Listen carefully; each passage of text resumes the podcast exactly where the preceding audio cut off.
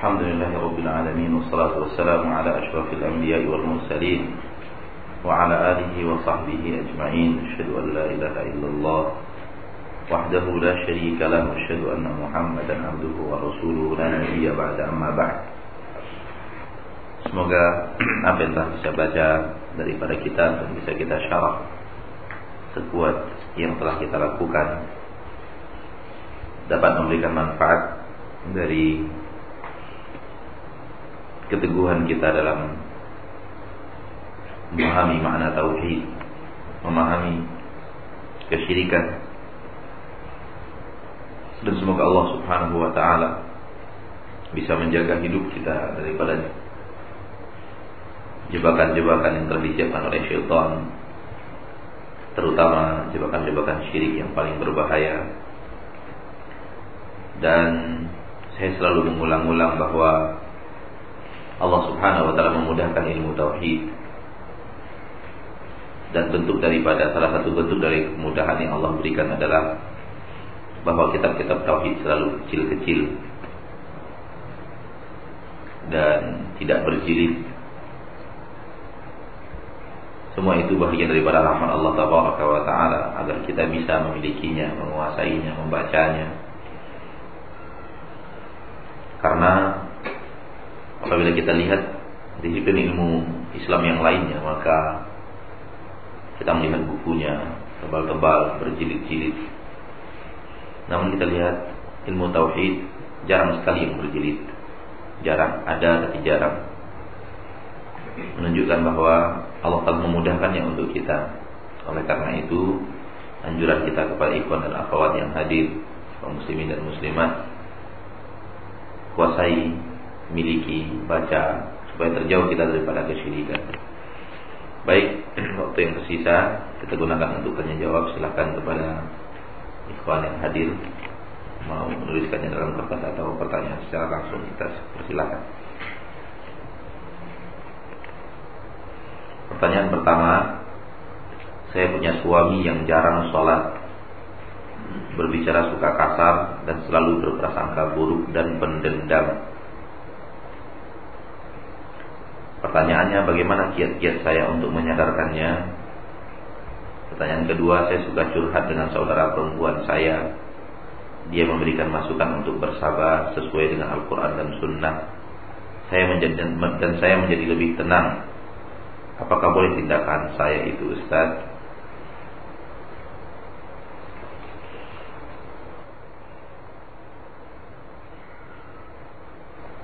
Ikhwani wa akhwati fi din rahimani wa rahimakumullah tentang masalah salat.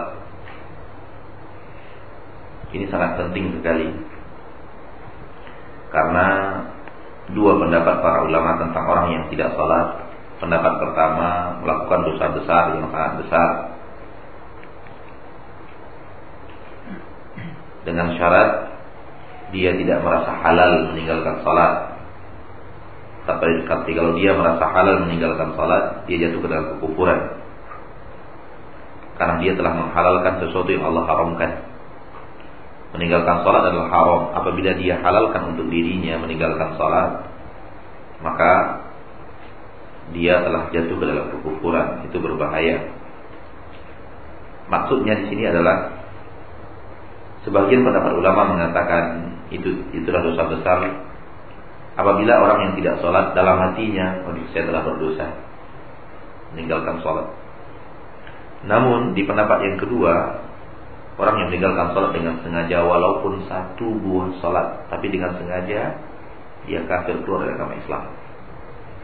Saking bahayanya, tidak ada pendapat, tidak ada dosa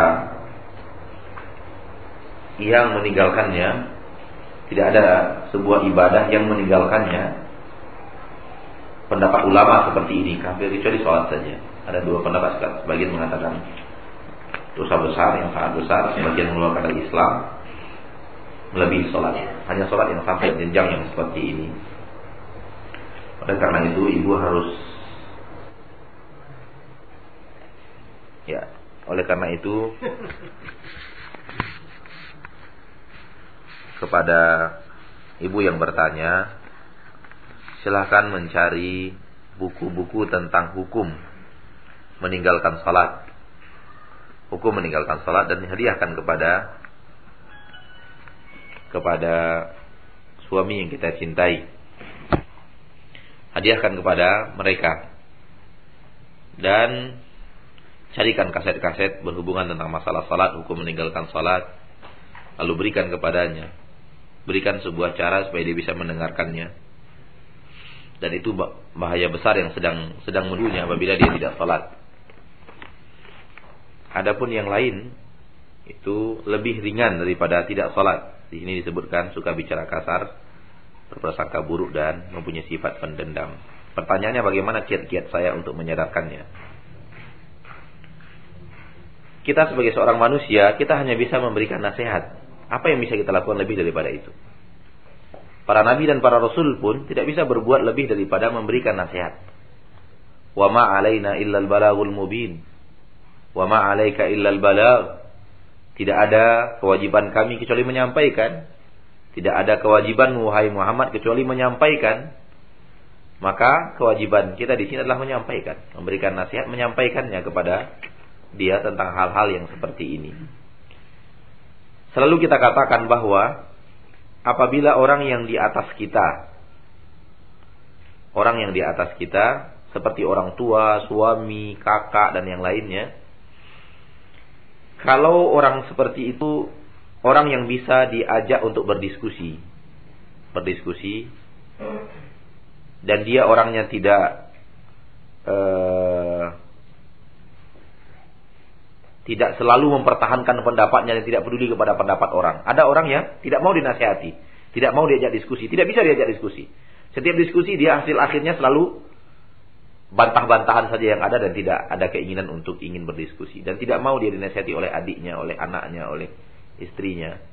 Kalau orangnya seperti itu, maka orangnya seperti tadi tidak mau bisa diajak diskusi, maka cara menasihatinya dengan buku, dengan majalah, dengan kaset, dengan mengajaknya pergi pengajian, bukan dari kita menasihatinya. Carikan orang lain yang bisa menasihati. Atau kalau dia punya paman yang dia segani, kepada paman itu kita katakan agar paman itu menasihati dia. Tapi kalau sang suami, sang orang tua, kakak bisa diajak diskusi dan dia bisa menerima orang-orang yang menasihatinya, maka caranya adalah dengan cara berdiskusi. Adapun curhat yang dilakukan kepada saudara perempuan kita, untuk minta dia memberikan kalimat untuk bisa menyabarkan kita dan juga solusi. Jangan hanya sekedar curhat, tapi minta solusi, minta nasihatnya apa yang harus saya lakukan. Di samping nasihat untuk untuk bersabar, yang harus diminta juga adalah nasihat untuk solusi. Apalagi yang bisa kita lakukan? Jadikan teman saudara perempuan kita itu adalah tempat menyimpan rahasia sekaligus tempat untuk berdiskusi mencari solusi. Itu tidak apa-apa. Namun sekedar curhat saja itu tidak boleh. Ya. Wallahu taala. Ustaz, di mana intinya orang-orang Syiah sampai memburukkan sahabat-sahabat Rasulullah sallallahu alaihi wasallam? Intinya adalah asal usul asal usul keberadaan Syiah itu dari orang yang tidak suka kepada sahabat Rasulullah Sallallahu Alaihi Wasallam. Asal usulnya dari sana, sehingga mereka kemudian membuat makar untuk umat Islam. Mereka membuat makar untuk umat Islam dengan cara menanamkan kecintaan yang berlebihan kepada alul bait. Kepada alul bait keluarga Rasulullah SAW lalu membuat cerita dusta tentang para sahabat Rasulullah SAW dan mereka menemukan sejarah yang bisa mereka putar balik. Dan mereka membuat cerita-cerita yang mereka karang akan keburukan dan kejahatan para sahabat Nabi Muhammad sallallahu alaihi wasallam. Pada intinya adalah Syiah adalah hasil dari musuh Islam yang ingin membentuk sebuah pemahaman yang bertolak belakang dengan agama Islam. Kalau kita membaca para buku para ulama tentang asal usul Syiah, mereka mengatakan bahwa Syiah itu hasil buah pikiran daripada Abdullah bin Sabah. Dan Abdullah bin Sabah dia adalah orang Yahudi yang masuk barisan umat Islam untuk mengacau. Itu intinya. Kalau intinya di situ. Wallahu taala. Nah. Bagaimana caranya bertaubat agar minta taubat yang bagus kepada Allah Subhanahu wa taala.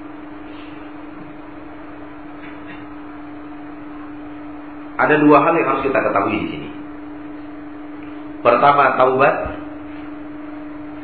Yang kedua minta ampun dari dosa yang kita tidak tahu. Yang pertama taubat. Yang kedua minta ampun dari dosa yang kita tidak tahu. Kita telah melakukannya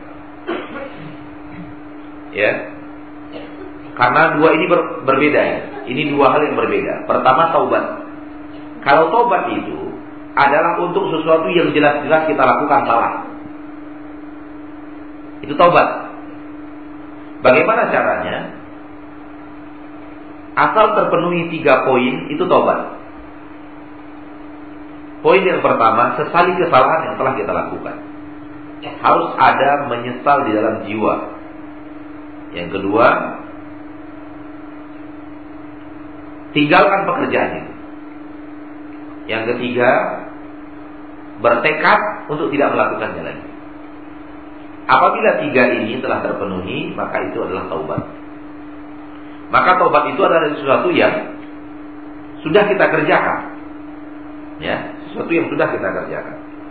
Adapun meminta dan berdoa kepada Allah untuk mengampunkan dosa dan kesalahan kita, maka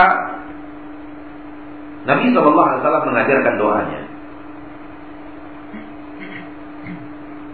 Allahumma inni a'udhu bika min an usyrika min an usyrika bika syai'an wa ana a'lam. Wa astaghfiruka min adz-dzambi alladhi la a'lam. Wa astaghfiruka mimma la a'lam. Ya Allah aku berlindung kepadamu Daripada menyekutukanmu dengan sesuatu yang aku tidak tahu. Dan uh,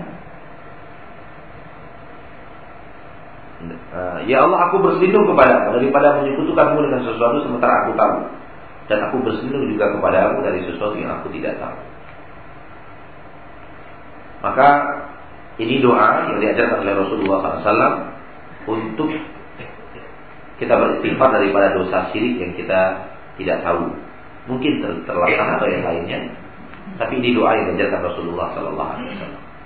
Jadi antara bertobat daripada dosa yang pernah kita lakukan dengan mohon ampunan kepada Allah atas dosa yang tidak kita ketahui itu berbeda. Kalau kita tidak tahu, mohon ampunan kepada Allah Subhanahu wa taala. Mohon Allah mengampunkan dosa dan kesalahan kita.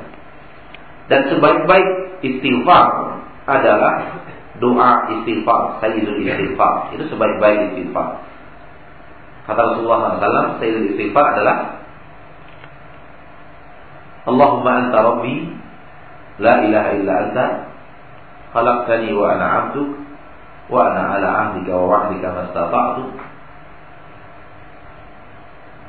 A'udzu bika apa? A'udzu bika min syarri ma sana'tu abu'u laka bi ni'matika 'alayya wa abu'u la Itu adalah sayyidul istighfar. Penghulunya istighfar. Ini istighfar yang paling bagus. Allahumma anta rabbi, ya Allah engkau adalah Rabbku yang telah menciptakanku, yang telah memberi aku rezeki, yang telah memberikan aku kehidupan. La ilaha illa anta, kita mendekatkan diri kepada Allah dengan bertauhid. La ilaha illa. Aku akui bahwa tidak ada yang tanpa ibadati secara secara kecuali Engkau.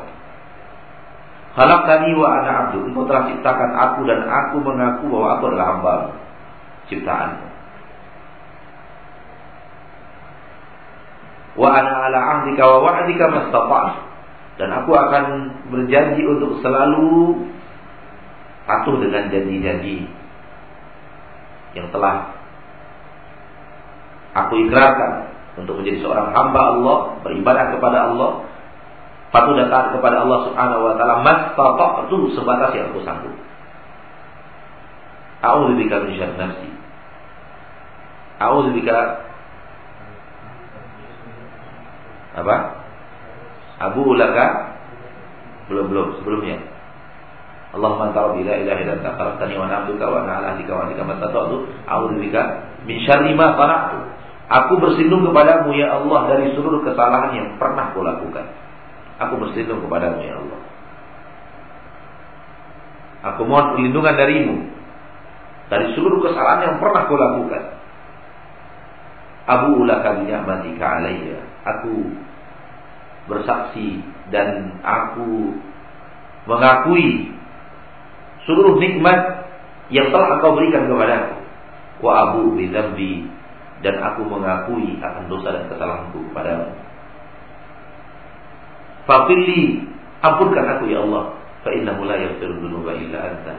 Sesungguhnya tidak ada yang bisa mengampunkan dosa kecuali dirimu. Ini adalah sayyidul istighfar. Ini penghulu seluruh istighfar kata Rasulullah sallallahu alaihi wasallam. Bagaimana orang sebelum meninggal dia berwasiat kepada anak-anaknya kalau nanti bapaknya meninggal nanti kuburkan bersama ibumu dalam kurung satu liang dua orang. Karena ibunya sudah meninggal terlebih dahulu. Dan ketika bapaknya meninggal ternyata dilaksanakan wasiat tersebut. Bagaimana hukumnya itu Ustaz? Karena tempat penguburannya masih lapang.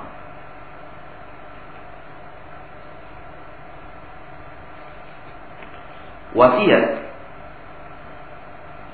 wasiat yang diberikan oleh seorang ayah kepada anaknya apabila wasiat itu batil tidak wajib dilaksanakan. Apabila waktu batil tidak wajib untuk dilaksanakan. Namun berhubung telah dikerjakan, maka tidak bisa diapa-apakan ini. Namanya sudah dikerjakan. Melihat pertanyaan ini berarti hal ini telah dikerjakan. Sebenarnya wasiat seorang ayah, kalau wasiat itu batil tidak perlu dikerjakan. Tidak perlu dikerjakan wasiat itu. Bukan berarti sesuatu yang batil karena dia diwasiatkan oleh orang tua menjadi menjadi hak dan harus dikerjakan. Tidak. Ya. Maka sebaiknya bahwa kalau memang kuburan itu masih lapang, kan kuburkan di sampingnya. Kenapa harus lubang yang sama? Ya, kenapa harus lubang yang sama? Kuburkan di sampingnya. Tapi berhubung dia sudah dilaksanakan, tidak perlu dibongkar lagi, dipisahkan lagi, apa perlu biarkan saja. Biarkan itu tengah berlalu karena karena membongkarnya kembali itu motornya lebih besar. Motornya lebih besar. Tapi sekali lagi yakin tanamkan bahwa wasiat kalau itu dalam wasiatnya tidak benar tidak perlu dilaksanakan. Karena seorang yang berwasiat, wasiat yang harus wasiat yang hak, wasiat yang boleh dikerjakan. Allah. apakah tawakal itu diterima oleh Allah? Nabi mengatakan sholat itu tiang agama. Nabi SAW mengatakan sholat itu tiang agama. Nabi juga yang mengatakan bahwa di akhirat nanti yang pertama kali dihisap oleh Allah dari seorang hamba adalah sholatnya. Kalau bagus sholatnya, bagus yang lain. Tidak bagus sholatnya, tidak bagus yang lain. Maka tidak ada kebaikan dari dari jiwa seorang muslim apabila dia tidak sholat. Tidak ada kebaikan dari jiwa seorang muslim apabila dia tidak sholat.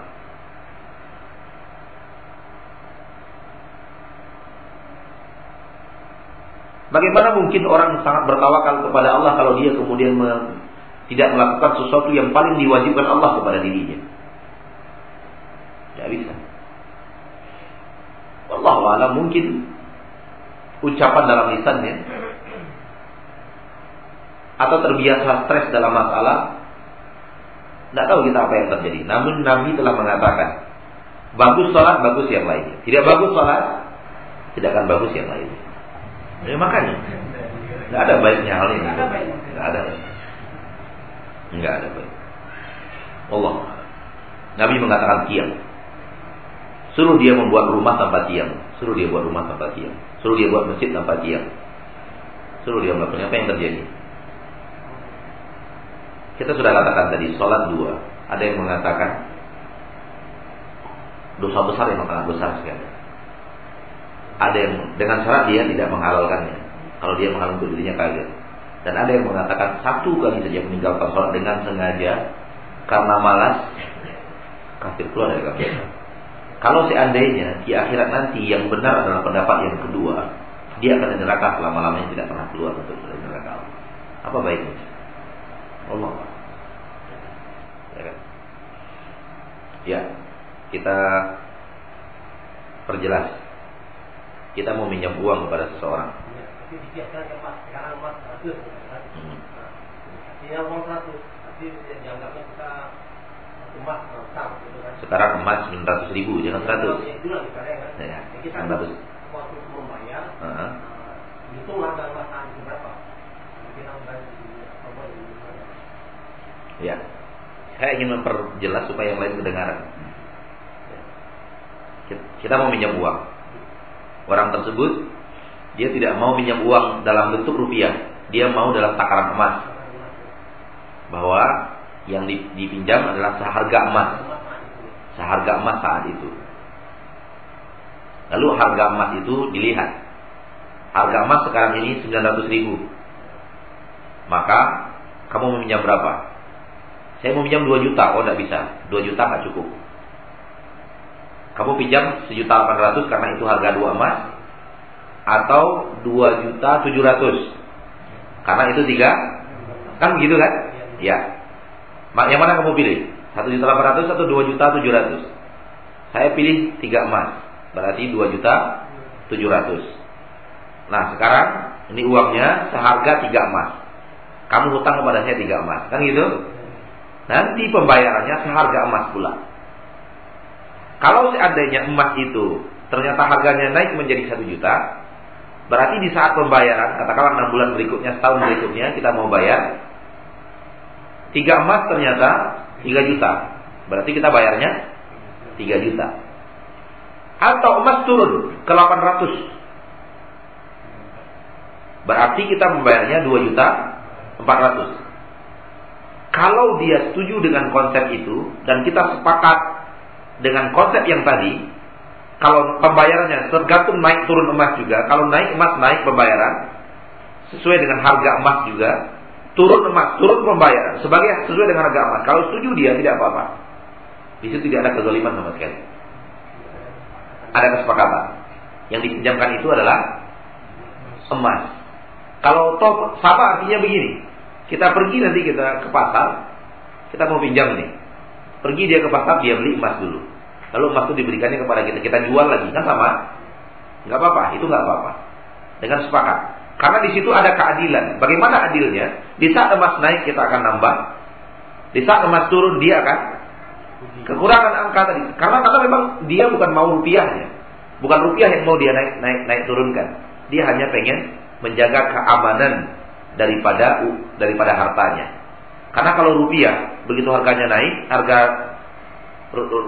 emas naik, tentu harga rupiah ini jauh-jauh turun, kan gitu? Bayangkan kita punya uang satu juta tahun 2000 tahun 98 bulan Mei tahun 97 bulan Mei dengan Mei satu juta Mei tahun 2000 tahun 98 atau tahun 2000 kan beda jauh. Karena fluktuasi rupiah yang sangat kita ketahui keadaannya. Kalau sepakat bahwa itu takaran emas, walaupun ini dipinjamkan kepada kita uang, tapi dikurskan ke ke emas. Dengan pembayaran di saat itu, pembayarannya nanti seperti itu juga, berapa kita bayar adalah sesuai harga emas di saat itu. Naik emas berarti naik pembayaran, turun emas berarti turun pembayaran, di situ ada keadilan. Maka boleh kan? Tidak apa-apa. Allah Tapi kalau dia katakan kalau emas naik kita harga emas, kalau emas turun harga rupiah ya, itu tidak boleh. Tidak boleh. Ya, itu tidak boleh. Harga emas sekarang 900. Kalau nanti harga emas naik, harga emas. Tapi kalau emas turun, nilai rupiah itu nggak boleh. Itu ada kezaliman di situ. Tapi kalau harga emas turun, turun juga betul-betul sesuai dengan harga emas itu keadilan. Boleh. nggak ada masalah. Allah. Ya, kalau kita berdosa, apa yang harus kita lakukan? Setelah kita tahu dan kita bertobat sementara kita tidak tahu dosa kita diampunkan Allah atau tidak. Apakah boleh kita merasa tenang? Atau kita harus merasa takut terus? Jawaban saya, mengingat dosa adalah sebuah kebaikan. Dengan syarat hasil daripada mengingat dosa adalah kebaikan. Jadi mengingat dosa itu baik atau tidak baiknya dilihat daripada hasilnya. Kalau dari hasil mengingat dosa itu membuat kita murung, tidak semangat hidup, takut kita ke dosa itu membuat kita nggak semangat beraktivitas, nggak semangat beribadah, dunia kelam, tidak ada keinginan untuk hidup, maka itu hasilnya buruk. Maka mengingat dosa dalam bentuk yang seperti itu buruk. Mengingat dosa yang baik adalah setelah kita mengingat dosa, kita termotivasi untuk melakukan pendekatan diri kepada Allah. Semakin mengingat dosa, semakin motivasi kita untuk memperbanyak doa kepada Allah agar Allah mengampunkan dosa dan berhusnuzon. Yang bisa kita lakukan adalah berhusnuzon karena kita telah melakukan seperti yang Allah perintahkan, seperti yang Rasulullah perintahkan, seperti yang syariat perintahkan, kita harus berhusnuzon Allah menerimanya. Husnuzon tidak memastikan, karena tidak ada yang bisa memastikan. Kita ingat dosa dan kesalahan. Kita tahu bahwa dosa dan kesalahan akan mudah dihapuskan dengan melakukan keperbuatan baik yang lebih banyak. Kan gitu? Sehingga ketika ingat dosa, kita buat lagi ibadah yang lebih banyak supaya dosa kita kalah oleh ibadah kita. Itu mengingat dosa yang baik. Dan mengingat dosa dengan seperti itu itulah yang disyariatkan oleh agama Islam. Itulah yang diinginkan oleh syariat Islam. Adapun melupakan dosa tidak baik. Kita ditakdirkan Allah berdosa agar kemudian kita rajin minta ampun. Kita ditakdirkan berdosa agar kemudian kita rajin bertaubat. Kita ditakdirkan oleh Allah berdosa agar kita merintih di hadapan Allah ketika bersujud memohon ampunan kepada Allah Taala. Allah suka orang-orang yang seperti itu. Oleh karena itu kita diantarkan berdosa. Adapun kalau kita lupakan dosa kita, kita akan merasa aman. Dan sifat aman itu tidak baik. Sifat merasa aman itu tidak baik. Yang mana ada adalah di hidup kehidupan kita antara rasa harap, antara rasa takut seimbang. Terlalu besar rasa takut akan membuat manusia hidupnya hilang dari semangat, selalu takut, selalu hidup itu putus asa, Hah? Pesimis. Iya, pesimis atau stres. Stres, stres terus dia ingat dosanya. Bisa-bisa jadi gila. Nah, itu tidak tidak diinginkan. Terlalu besar rasa harap, rasa harap hanya lihat takutnya tidak ada, dia akan mudah baginya untuk berbuat dosa. Maka antara rasa harap dan rasa imbang dan rasa takut itu seimbang. Imam Ahmad mengatakan dan imam-imam yang lainnya bahwa keseimbangan antara rasa harap dan rasa takut itu bagaikan dua sayap burung. Harus tetap seimbang dia. Satu-satu salah satunya tidak seimbang, burung nggak bisa terbang. Begitu juga seorang mukmin. Orang-orang yang merasa aman dari dosanya itu rasa rasa harapnya kepada Allah terlalu tinggi. Ah, Allah akan maha pengasih. Allah akan maha pengampun. Nanti suatu saat lah kita minta ampunan Allah. Allah pasti mau mengampuni. Rasa harapnya kepada Allah terlalu tinggi. Dan orang-orang yang stres terhadap dosanya itu rasa takutnya terlalu berlebihan. Maka seorang muslim hidupnya antara dua hal ini. Diseimbangkan 50 antara rasa takut kepada Allah atas dosa dan kesalahan dan rasa harap kepada Allah ketika kita beribadah kepada Allah Subhanahu wa taala. Wallahu a'lam. Nah.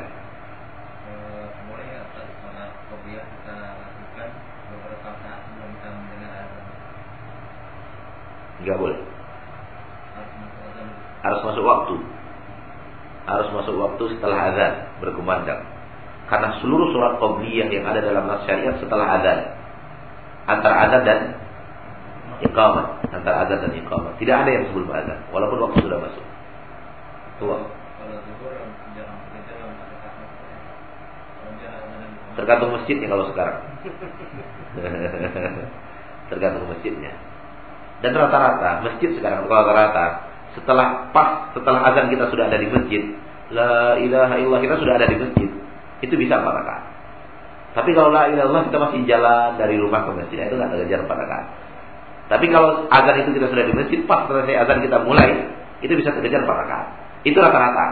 Kita sudah takar rata-rata seperti itu. Rata-rata masjid bisa empat rakaat. Tapi dengan syarat apa? Kita ada di masjid ketika orang azan. Itu bisa empat rakaat. Bisa empat rakaat. Itu rata-rata seperti itu. Tinggal tambah semangat untuk lebih cepat ke masjid. Tapi kalau dengar azan baru melangkah ke masjid itu biasanya bahkan sampai di masjid orang koma. Kalau jarak rumah kita dengan masjid agak terlalu terlalu jauh, sampai di masjid orang koma. Allah. Ada yang lain? Silakan. Sistem gadai, ya. Ulangi, sistem gadai di kampung itu bagaimana? Karena sistem gadai di kampung saya mungkin berbeda. Bagaimana sistem gadai di kampung? Satu piringan 35 juta 35 emas Ya Terus eh, gimana eh, tidak punya jangka gitu. mm -hmm. Terus hasilnya tetap yang orang yang punya gade yang menjalankan itu. hmm. Gawainya dia yang bola terus gitu. Iya Itu udah memang udah sesuai dengan Syariat Islam. Ya, ya. Berarti sama gak ada yang di kampung untuk di kampung saya. saya takut nanti saya jawab sesuai dengan kampung saya berbeda dengan kampung beliau kan sistemnya. Ya. Di kampung-kampung kita, kalau ini adalah sawah, satu piringan, digadaikan ke orang yang akan meminjamkan kita uang. Ini gadaiannya. Orang itu pinjamkan uang, biasanya dalam takaran emas. Ya kalau orang tua dulu satu rupiah, dua rupiah, sekian emas, pinjamkan. Selagi kita belum membayar ini, tanah sawah ini seolah-olah milik orang yang meminjamkan uang. Dialah yang menggarapnya, dia yang memetik hasilnya, dia yang mengambilnya. Nah, kita tidak punya hak untuk campur tangan di sini. Panen sekali dia dapat untung sekian, panen dua kali dapat untung sekian, panen tiga kali dapat untung sekian. Sudah seratus kali panen dapatlah untung dia sudah sama nih dengan nilai uang yang dipinjamkan dari kita.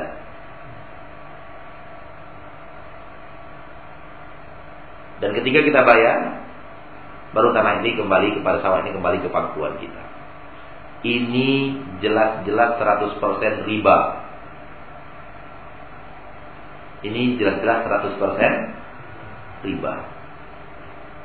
Dan sistem penggadaian di kampung kita dan kampung antum, kampung anda sama sistem riba. Karena Kaidah riba itu adalah kullu qardin jarra naf'an. Seluruh pinjaman yang mendatangkan hasil dan manfaat. Seluruh pinjaman yang mendatang seluruh hutang piutang yang mendatangkan hasil dan manfaat itu riba. Sekarang dihutangkan oleh kita. Si A meminjamkan uang kepada si B. Dia dapat manfaat, dapat sebidang tanah yang bisa dia garap terus keuntungannya untuk dia. Berarti dia dapat manfaat dari pinjamannya. Dia meminjamkan ke orang. Sebenarnya gadaian dalam agama Islam adalah jaminan. Gadaian dalam agama Islam adalah jaminan. Sampai batas waktu yang ditentukan atau sampai kesepakatan antara orang yang meminjam dan orang yang dipinjam. Orang meminjam uang kepada saya misalnya, saya takut dia tidak bayar. Saya minta jaminannya apa? Dia jaminkanlah sebatang sebidang sawah. Sini surat-surat sawahnya atau diketahui oleh orang-orang yang sekelilingnya kalau tidak pakai surat-surat atau ruko. Kalau zaman kita sekarang kan ruko dijaminkan surat tanah dijaminkan. Kemudian apa lagi? Mobil dijaminkan, surat mobil, BPKB-nya, surat motor, BPKB-nya dijaminkan. Supaya saya yakin orang ini akan akan bayar karena yang dijaminkan itu biasanya lebih tinggi nilainya dari hutang itu. Hutang itu lebih tinggi nilainya. Maka dibuat kesepakatan kapan pembayarannya atau dibebaskan terserah pokoknya sampai dibayar nggak apa-apa. Boleh sampai kapan pun. Tetapi saya tidak boleh mengambil manfaat dari jaminan ini. Dari jaminan ini saya tidak boleh mengambil manfaat. Jaminan ini tetap milik orang yang punyanya. Kalau itu ruko, tetap ruko itu tetap dipakai oleh orang yang menjaminkan. Misal, si A minjam uang ke si B, menjaminkan surat tok, surat ruko. Suratnya dijaminkan, rukonya tetap dioperasikan oleh siapa? Si A minjam uang ke si B. Dijaminkan surat surat ruko. Rukonya tetap dioperasikan oleh si A. Tidak boleh kemudian si A pinjam uang ke si B. Kemudian si A meng, meng, meng, meng, menggadaikan ruko. Hasil hasil hasil sewa ruko itu untuk si B itu nggak boleh. Sama dengan yang sawah tadi. Persis.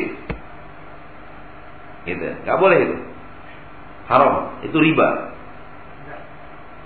Yang mendapatkan riba itu yang pinjam sama yang Iya.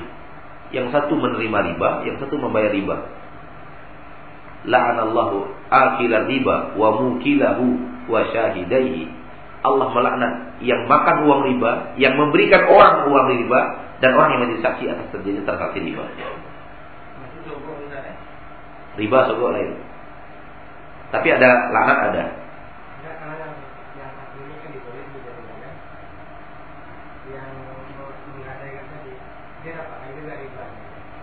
Ya dia dapatkan dosa riba. Dan kita wajib memberikan kesadaran kepada orang-orang yang kita cintai di kampung bahwa hal yang seperti itu tidak boleh. Dan ini di kampung kita seolah-olah satu hal yang sangat halal sekali. Kata Nabi Wasallam, boleh hewan itu ditunggangi dengan syarat kita yang memberi makannya. Boleh diambil air susunya dengan syarat kita yang memberikan makan kepadanya. Misalnya, zaman Nabi kan ada orang me me menggadaikan hewan.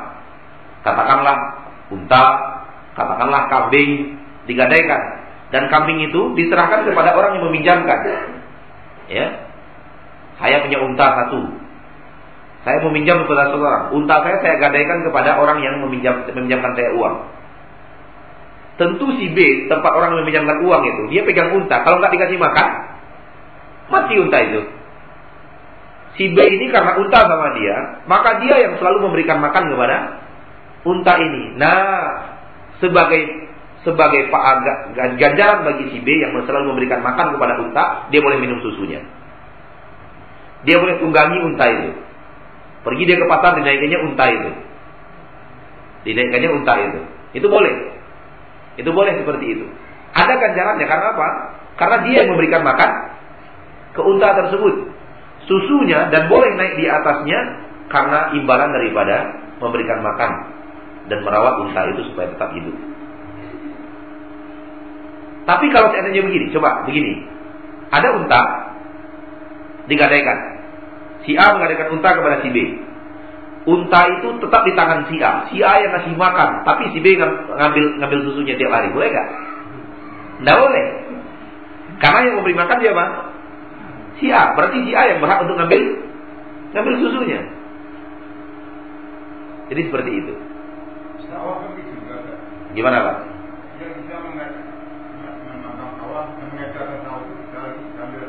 Tidak Pak, beda. Di sini beda. Karena unta, unta itu kalau diserahkan kepada si B, kepada si B, si B tidak memberikan makan kepada unta, unta mati. Mati unta itu. Hilang dia. Hilang keadaannya itu hilang. Unta sudah mati, tidak ada nilainya walaupun satu satu rial pun bangkai. Sawah, sawah kalau kalau seandainya digadaikan sawah itu, ndak ndak digarap pun sawah itu tidak mati. Sawah lebih mirip dengan ruko, pak. Sawah lebih mirip dengan dengan ruko. Sawah lebih mirip dengan ruko. Kalau ruko itu digadaikan, tetap ruko itu bisa mendatangkan hasil. Ruko itu bisa tetap mendatangkan hasil. Atau dia bisa tenang, tidak ada yang nyewa, didiamkan tetap bisa dipegang sebagai gadaian. Lebih mirip itu. Karena si A sebenarnya ketika menggadaikan itu dia butuh pinjaman uang karena dia butuh uangnya nggak cukup dan dia butuh bekerja untuk mengembalikan uang itu. Dia butuh bekerja untuk mengembalikan uang itu. Maka si si A akan menggarap tanahnya, sawahnya untuk dapat uang dikembalikan kepada kepada si B yang meminjamkan uang kepadanya. Yang jelas sekarang adalah si B memetik hasil memetik hasil dari pinjamannya. Dan lihat di kampung-kampung kita orang-orang yang orang-orang yang banyak uang, dia sangat senang sekali apa? Menggadaikan meminjamkan uang, Hah? Apa? magang. Magang istilahnya. Nah, magang. Saya nggak tahu. Orang punya uang sangat surga kali karena dia memang dapat hasil. Sementara kalau kita tidak tidak punya tidak punya kerbau, orang menggadaikan menggadaikan kerbaunya kepada kita, malah kita megang ya kan? Kan kita jadi punya kerjaan kita dibuatnya. Gak, artinya nggak ada untungnya. Bisa dibilang tidak? Nggak ada untungnya sebenarnya bagi kita. Kerbau di tangan kita nggak ada untungnya. Karena kita lelah dibuatnya. Harus cari rumput, Bayangkan untuk menghasilkan rumputnya itu di, di kota seperti kota Madinah. Iya kalau rumputnya itu seperti di Pasaman, begitu tinggi. Kalau rumputnya seperti kota Madinah, gimana jalan carinya, mengembalakannya? Jadi kerjaan berat. Si B yang meminjamkan uang diserahkan kepadanya unta dan dia tidak mempercayakan katakanlah nggak terlalu percaya dia kalau unta itu dipegang si A nanti takut nggak amanah dipegang oleh dia dapat kerjaan berat dia kerjaan berat merawat unta ini bagaimana unta ini tetap hidup Nah untuk jasa itulah Nabi membolehkan dia minum dari dari susunya unta itu. Sama kita dengan kita di kampung tidak punya tidak punya tidak punya apa nama kerbau, ya, tidak punya sapi. Digadaikan orang sapi diserahkan sapi kepada kita. Sebenarnya tugas berat bukan nikmat itu. Bukan nikmat kita harus cari rumputnya, merawatnya, perapiannya dan segala macam yang biasanya tidak bisa kita lakukan harus kita lakukan karena ini barang harus dirawat. Nah untuk jasa itu kita boleh ambil susunya. Untuk jasa kita merawat itu diizinkan saya untuk ambil susunya untuk diminum. Dibolehkan diminum. Seperti itu. Beda dengan sawah. Sawah betul-betul bisnis. Sawah betul-betul bisnis. Kalau dibiarkan tiga tahun, empat tahun sawah itu digarap oleh orang yang punya hutang dan betul-betul setiap panen dia bayar hutangnya lunas itu. Lunas hutang itu. Oleh karena itu bisa kita lihat bahwa itu betul-betul uh, Allah Allah mungkin dosa yang seperti itu juga yang merajalela di kampung kita yang membuat keadaan semakin tidak terkendali. Ya, keadaan semakin tidak terkendali. Allah Dan kita berbicara kepada orang-orang yang kita cintai di kampung, mereka terheran-heran. Mereka terheran-heran. Saya berkata, baru kali ini kami dengar. Baru kali ini kami dengar. Beda, Pak. Beda. Nah. Gimana? Apa? Ulangi.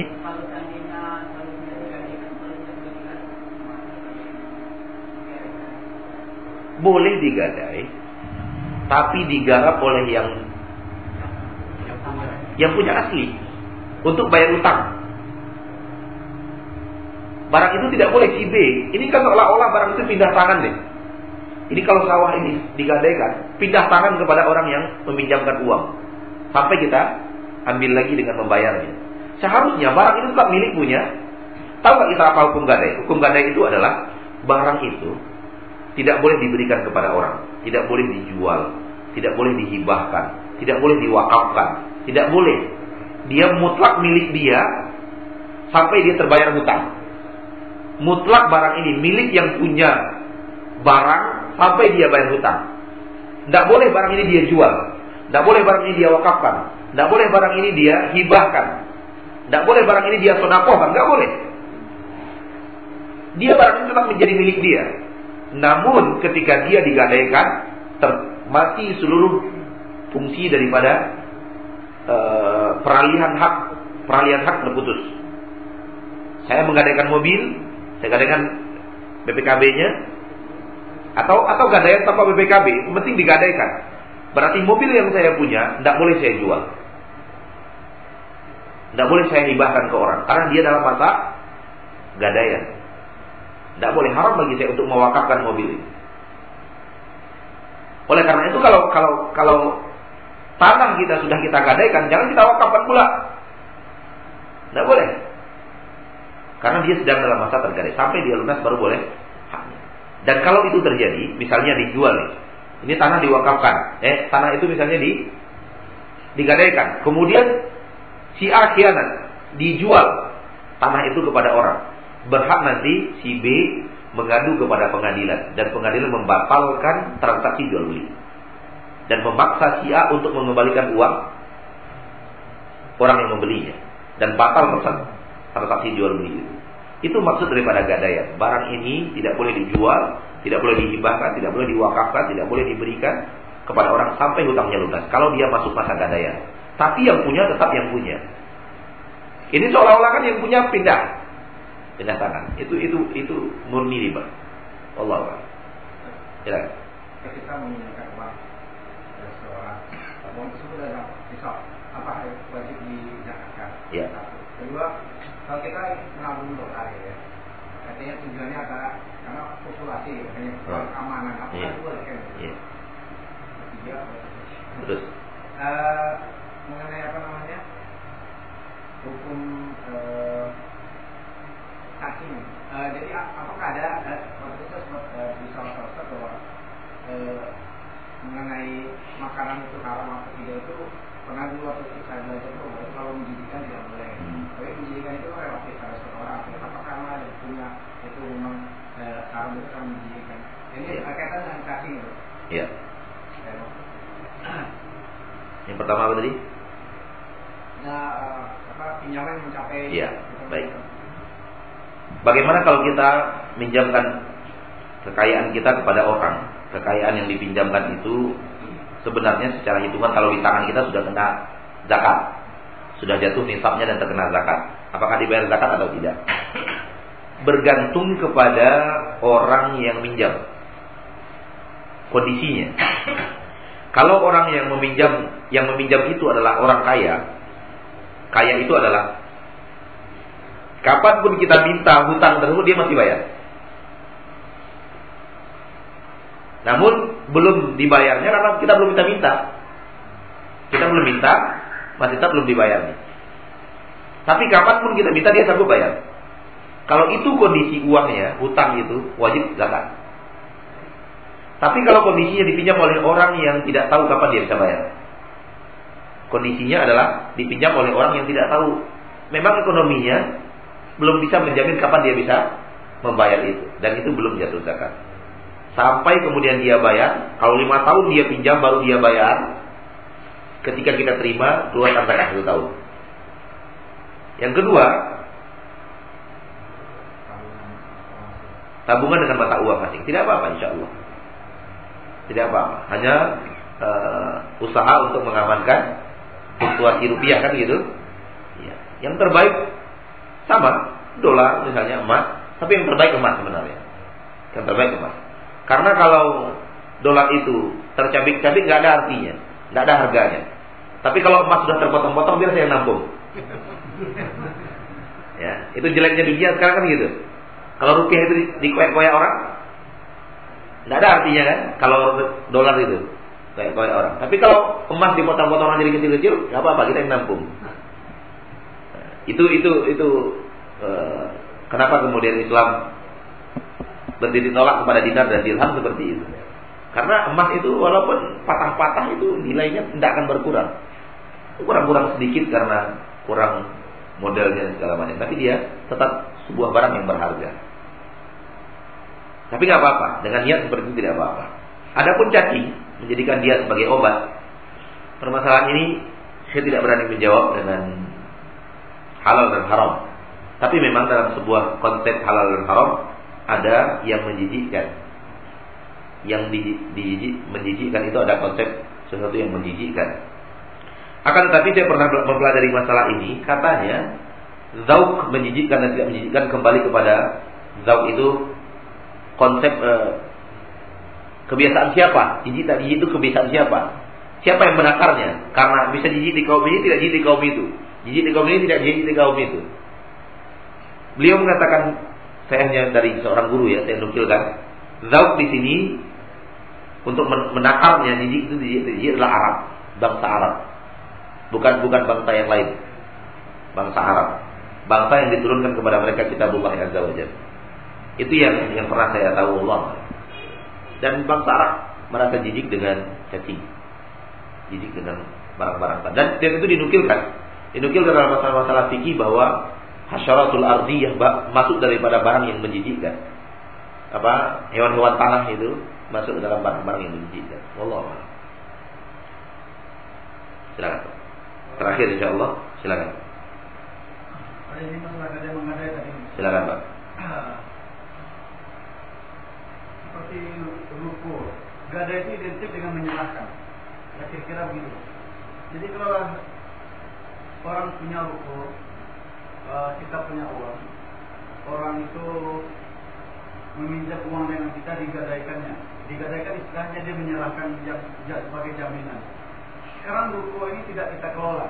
Kita suruh orang yang mengelola, orang yang meminjam uang. Kira kita yang meminjamkan uang hanya sekedar meminjamkan begitu saja atau ada hal lain? Iya. Karena di orang yang meminjamkan itu ada untung. Hmm. Ya mungkin dari bunga segala macam. Oke satu. Yang kedua bagaimana dengan adanya rumah-rumah gadai sekarang ini Pak? Rumah gadai itu apa? Sekarang kan banyak nih. Pegadaian. Eh, Pegadaian. Nah, pegadaian. Bagaimana dengan itu Pak? Saya pegadaian tidak pernah ikut uh, masuk di dalamnya, tahu sistemnya. Gimana sistemnya yang bapak tahu? Ya seperti kalau minjam uang kalau punya SPK di, di, di tinggal di sana, itu punya lagi tinggal. Nanti sampai batas waktu. Nah, Ya berbunga begitu ya. saya kira gitu.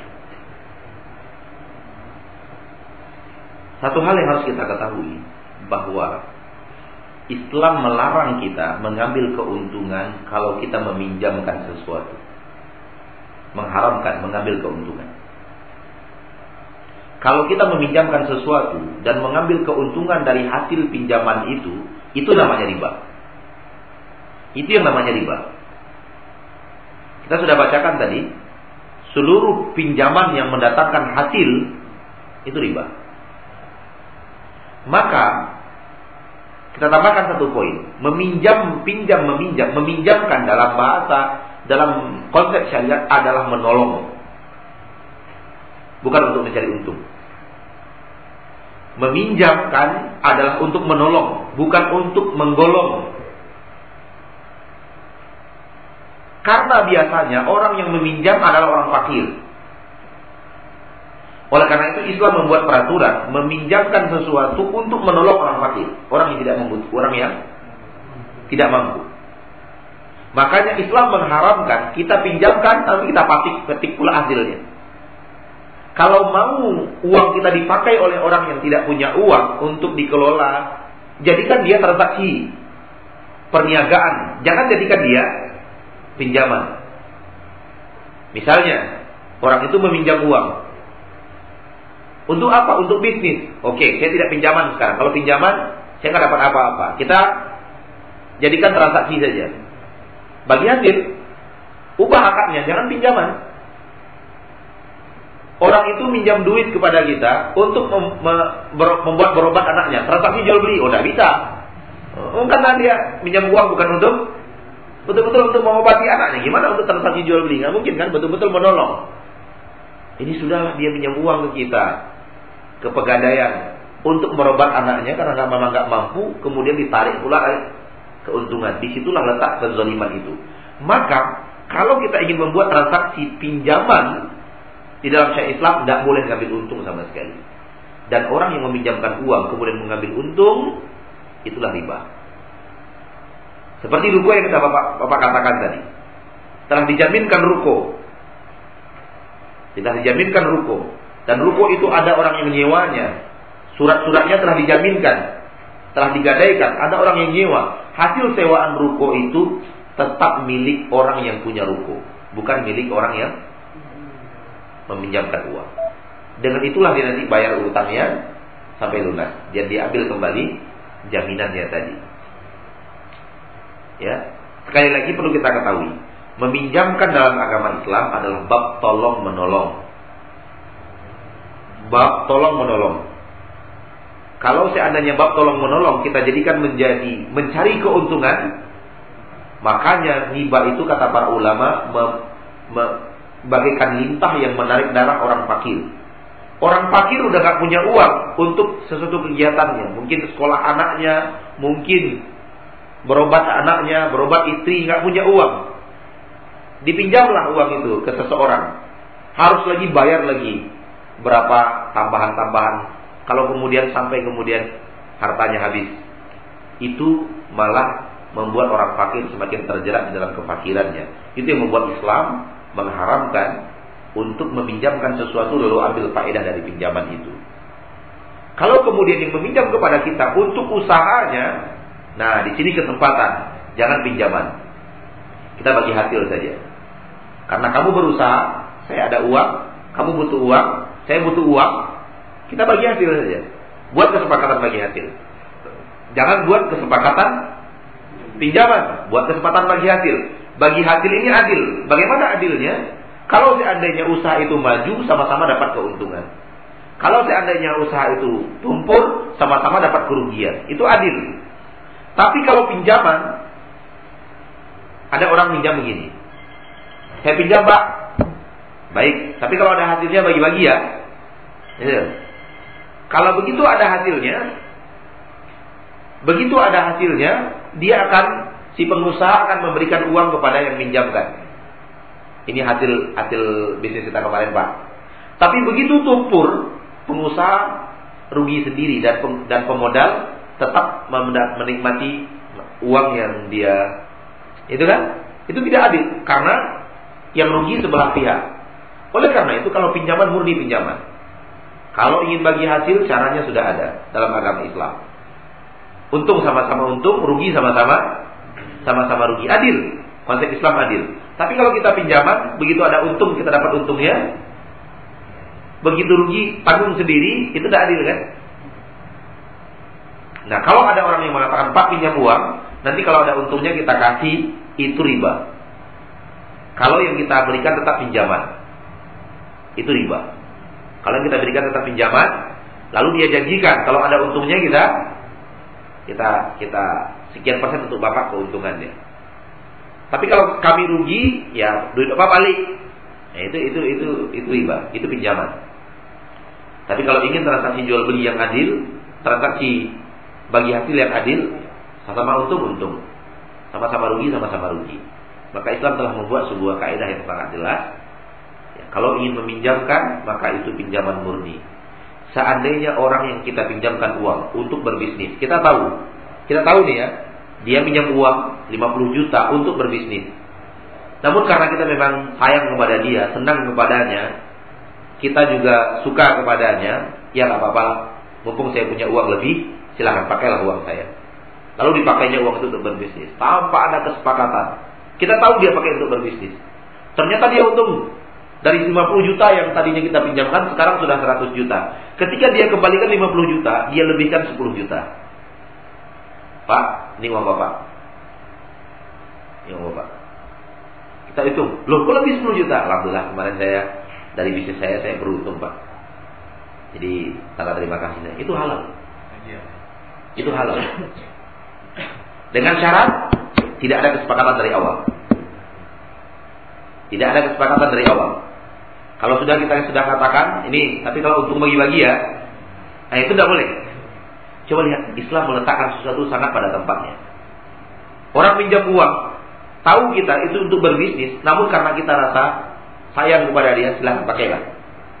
Senang kepadanya, kasihan kepadanya dan segala macam, atau kita ingin murni ingin berbuat pahala, ingin membantu orang muslim, kita serahkan uang kita. Silahkan pakai. Tidak ada kesepakatan Betul-betul kita ikhlas memberikan. Dan ternyata orang itu merasa terbantu dan dia ingin memberikan yang lebih halal untuk diterima. Lihat agama Islam telah menempatkan sesuatu pada tempatnya.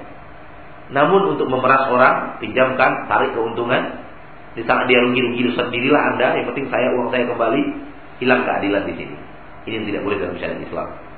Jadi kalau ingin meminjamkan, maka sistem pegadaian yang ada itu riba. Sistem pegadaian yang ada kalau seperti itu adalah riba Wallahu taala alam wa sallallahu wasallam ala nabiyina Muhammad. Pengertian rugi sama rugi itu tolong diperjelas. Dalam bagi hasil. Dalam iya. Dalam bagi hasil, untung sama untung, rugi sama rugi. Tolong diperjelas. Si A, Enggak masalah ruginya Ustaz. ya, si A, saya ingin memperjelas. Si A memasukkan uang 100 juta kepada si B. Si A pemodal, si B pengusaha. Di atas sebuah bisnis yang mereka sepakati. Dan keuntungannya mereka sepakati. Mungkin kesepakatannya 60 persen, 40 persen, 70 persen, 30 persen, tergantung kesepakatan. Begitu usaha ini untung, usaha yang dijalankan untung, dibagilah. Kesepakatannya 50-50 bagi dua, keuntungan murni bagi dua. Uang 100 juta telah berubah menjadi 200 juta, berarti bagi dua. 50 juta untuk pengusaha, 50 juta untuk pemodal. Sebagai keuntungan, ya, jalankan lagi bisnis ini. Begitu rugi, uang yang 100 juta ditanamkan kepada pengusaha rugi, sehingga setelah dijual seluruh aset, tinggallah 60 juta dari 100 juta tadi. 60 juta ini kembali ke tangan pemodal. Di sini sama-sama rugi. Si pemodal rugi uang 40 juta, si pengusaha nggak dapat apa-apa, dia letih, dia capek, dia dia satu tahun bekerja nggak dapat uang apa-apa. Si pengusaha rugi tenaga, rugi waktu, si pemodal rugi uang, sama-sama ruginya.